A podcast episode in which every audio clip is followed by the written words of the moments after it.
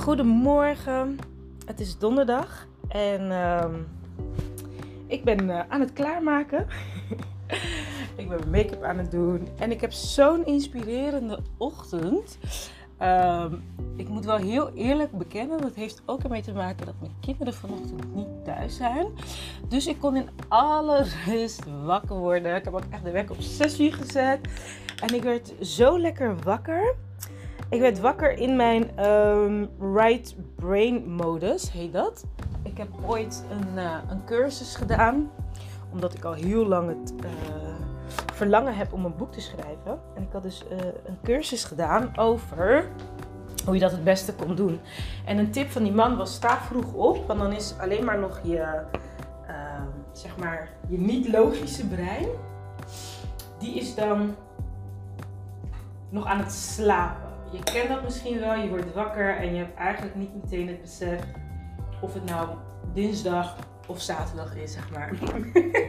je bent nog een beetje like uh, somewhere. Ja, die modus, dat is dus juist een goede modus voor creatievelingen. Want je hebt alleen maar je creatieve uh, ja, je, je, brein nog met je. Dus ik ben in die modus zo een beetje zo naar, naar boven gelopen. En dan echt zo, weet je, zo, en ik dacht, oh, dit is zo lekker. Want in die modus, ja, dit klinkt misschien heel gek, maar ik herinnerde me wie ik ben. Uh, want ja, als je wakker wordt, even, gaat meteen in de doe-modus. Dan zit je ook niet in de zijn-modus. Dus dat is eigenlijk ook helemaal niet zo gek. Maar ik merkte gewoon uh, van, uh, ik zit dan na te denken. Ik, ik ga komende maand heb ik een kantoorruimte gehuurd. Ik ben heel erg, zoals je wellicht weet, bezig met uh, het vormgeven van mijn work-life balance. Uh, daar heb ik ook een boek over geschreven. Als je die nog niet hebt gelezen, ik raad het je aan. Ik krijg echt zulke leuke reacties van lezers. Uh, over kleine dingetjes die ze aanpassen, maar waardoor hun gevoel van geluk gewoon echt vertienvoudigt. Ja, ik moet eerlijk zeggen, ik wist ook niet dat het zoveel impact zal hebben, maar ik ben er wel heel erg blij mee. Uh, want bij mij heeft het ook wel heel veel impact gehad. Dus het is heel fijn dat ik dat heb uh, kunnen verwoorden op zo'n manier dat mensen het ook kunnen toepassen. En nou ja, ik ben dus echt, echt nog steeds. Uh, nou je blijft altijd bezig met die work-life balance vormgeven. Nou, ik heb dat dus weer. En ik dacht, nou, ik ga eens even kijken of ik het wat vind om een kantoorruimte te gaan huren. terwijl ik het ook heel fijn vind om thuis te werken. En ik heb een park hier aan het einde van de straat. Dus dan op een gegeven moment als ik het even niet meer weet. Of als ik merk dat er veel in mijn hoofd zit. Kan ik even het park in. Of ik besluit om even te gaan douchen. Of om even in bad te gaan. Of ik kijk even tv. Die breaks vind ik echt fantastisch. Maar ik ben al een paar keer daar geweest. En ik merkte dat ook wel iets met mijn energie doet. Dus nou, ik heb het wel even uh, laten bezinken. En ik dacht, je moet het gewoon ook durven experimenteren. Want vaak zitten we vast omdat we denken, ja, maar als ik die keuze maak, dan is het voor altijd. En dan durf je niks. Maar daar kom je ook niet voor uit. En nou, mijn intentie met alles wat ik creëer is juist om jou te helpen vooruit te komen, uh, los te komen, zodat jij je vrij kan bewegen en een leven creëert waar jij gelukkig van wordt. Dat is echt, ja, nou ja, that's my thing. En ging ergens naartoe. Even denken waar ik naartoe wilde. Dit is echt grappig. Uh, oh ja, die brein. Die, die, die. Uh, het zijn. Het herinneren wie je bent. Die ruimte is zo belangrijk. Omdat in het doen en regelen en gaan en in je hoofd. Uh, dus hè, hoe ik eigenlijk meestal wakker word, ja, is toch omdat mijn kleine zoontje een speen nodig heeft. Omdat mijn andere zoon wakker is. En ja, ze moeten iets en ik moet iets gebeuren. En Tuurlijk is dat prima. Ik bedoel, het zijn mijn kinderen. Hallo, dat is fijn. Um, maar ik merk wel het verschil op een dag zoals vandaag dat ze niet thuis slapen. En dan denk ik, oh ja, dat is die Daisy die vorig jaar alleen op vakantie was gegaan. Ik ben vorig jaar alleen op vakantie gegaan. Dat is iets wat ik al heel lang wou, maar niet durfde. Uh, en dan wist ik niet dat ik niet dat durfde, want ik had mijn niet durven, had ik uh, hoe zou ik het zeggen, gecamoufleerd onder de noemer ik heb geen tijd en ik heb geen geld. Dat was het excuus dat ik gebruikte. En eerlijk gezegd ook echt in geloofde. Ik meen dit. ik heb geen tijd, ik heb geen geld om alleen op vakantie te gaan. En ehm, ik ben een grote fan van Abraham Hicks. En toen kwam Abraham Hicks voorbij. Dat zij naar Nederland zouden komen. En ik dacht meteen, oh my god, daar moet ik bij zijn. Want ik volg ze al jaren. Ze hebben echt mijn leven veranderd. Dus ja, die energie van dichtbij, ja, dat, dat moest gewoon, zeg maar. En uh, ik ging kijken. Een kaartje kostte 450 dollar en je kon alleen via creditcard betalen. Dus ik heb meteen 450 euro overgemaakt naar mijn creditcard. En toen zei dat stemmetje dus. Ik dacht dat je geen geld had. ik dacht dat je geen geld had. Maar je hebt wel 450 euro om naar Hicks te gaan. En toen ging ik even stilstaan. En toen ging ik bij mezelf te raden van wat gebeurt hier nou? Ik was echt van overtuigd namelijk dat ik het geld niet had. Hoe kan het dat ik dan wel 450 euro heb voor Hicks? Met 450 euro kan ik ook een lang weekendje weggaan. Dus wat is hier nou werkelijk aan de hand, Daisy? Zo ging een gesprek tussen mij en mij. En ik kwam erachter dat ik dus, ehm, en hier gaat ook echt een groot gedeelte van mijn boek over, leefregels onbewust zijn gaan zitten in mij als hoe hoor ik als moeder te zijn. Ik was toen net, even kijken hoor, zij was volgens mij twee jaar. Ehm, en ik had dus ergens een onbewust gevoel van uh, dat dat niet hoort. En vooral niet om met mijn want ik ben wel eerder weggegaan met mijn nichten. Maar dan ben ik met mijn nichten, dus dat is een soort van anders. Ehm,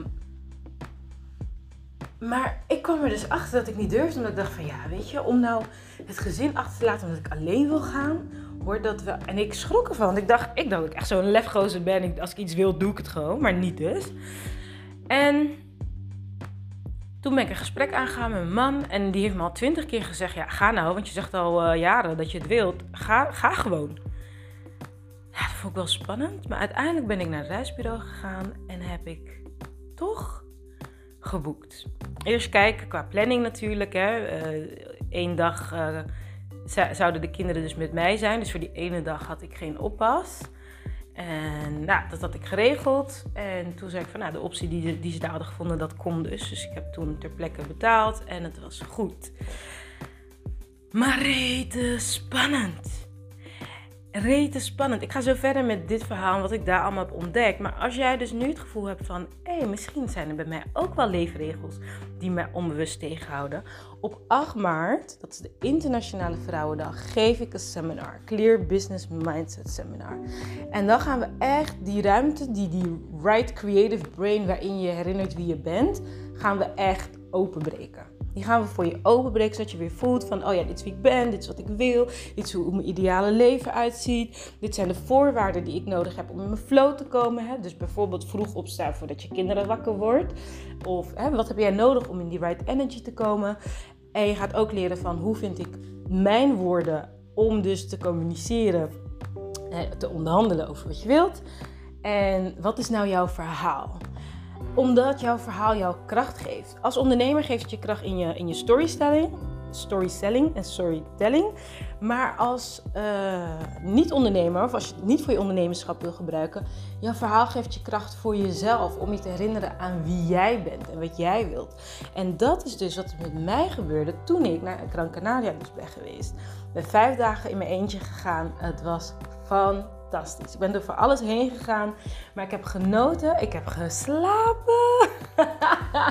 ik heb zoveel geslapen, elke dag van 9 tot 9 gewoon. Dat is echt bizar. Maar om 9 uur s avonds lag ik in mijn bed. Ik moet ook zeggen, ik was toen vijf maanden in verwachting.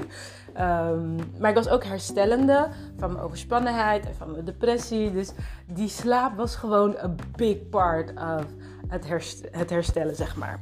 Of nee, ik was toen net hersteld, weet ik nog. Ja, januari. Maar maakt niet uit. Hij stelt op papier. Je hebt ook gewoon nog de nasleep ervan, die ik vandaag nog steeds ervaar. Dus, um, maar ik ben gaan wandelen. Ik, um, ik had een hele fijne ritme, want ik had al inclusief genomen. Dus dan wist ik van uh, tussen dan en dan kan ik uh, ontbijten. Tussen dan en dan heb ik lunch. En tussen dan en dan heb ik avondeten. Dat was mijn houvast. Ik kan me voorstellen, want ik kreeg hier ook een reactie over van een lezer van hoe heb je dat gedaan? En ik zeg, nou, ik ga daar even wat voor je over opnemen ook. Want het is al spannend om zoiets te ondernemen, misschien voor jou. En dan is zeg maar zoiets als uh, een all-inclusive nemen, zodat je weet, ik eet altijd in het hotel. Want ik vond het echt een beetje te spannend om in mijn eentje elke dag een restaurant te gaan uitzoeken. Dat was voor mij nog buiten mijn comfortzone. Dus ik had zoiets van, nou dan neem ik uh, het in het hotel, want dan weet ik elke dag waar ik eet. Ik ben gewoon thuis, zeg maar, zo voel dat. Plus ik heb een uh, ritme in mijn, dagen, in mijn dag. En dat was echt relaxed. Plus ik ben naar Gran Canaria gegaan, want daar ben ik al eerder geweest, al twee keer. Dus het voelt ook een beetje uh, bekend. En ik ben gewoon lekker gaan wandelen langs de boulevard. Ik heb een massage genomen. Um, ja, eigenlijk dat. En lezen bij het zwembad of op het strand. Uh, ik had een boek bij me en die heb ik echt in vijf dagen gelezen. Uh, elke dag een beetje. En gewoon, ja, slenteren, mijmeren. En op dag drie, weet ik nog, ik keek in de spiegel. En het was alsof ik een vriendin zag die ik zo lang niet meer had gezien. Ik was zo blij om haar te zien, maar dan was het ikzelf, mijn eigen spiegelbeeld. En ik echt dacht van wow, ik was echt trapped gewoon. Alsof ik vastzit. Als je mijn boek leest, zie je die Red Race vrouw. Ik zat zo, vast daarin. En ik was daar uitgebroken en ik zag mezelf weer terug. En dat is ook de intentie voor de Clear Business Mindset Seminar. For you to get clear on who you are. En hoe jij je leven wilt leiden. En wat je daarvoor te zeggen en te doen hebt. Dat is de intentie. Er zijn nog acht tickets beschikbaar. Dus als je voelt van, hé, hey, dit is voor mij ik zou zeggen, laat het me weten. Ik zet uh, een, een, linkje erbij, zodat je daar naartoe, zodat je het kaartje kan bestellen. Um, maar die vakantie begint bij even pas op de plaats en kijken, maar wat gebeurt er nou eigenlijk echt? Wat is het wat er verstopt zit achter de excuses waar ik zelf in geloof? Daar is het begonnen en dat nodig, daar nodig ik jou ook toe uit. Dus um, 8 maart zie ik je of zie ik je. Doei!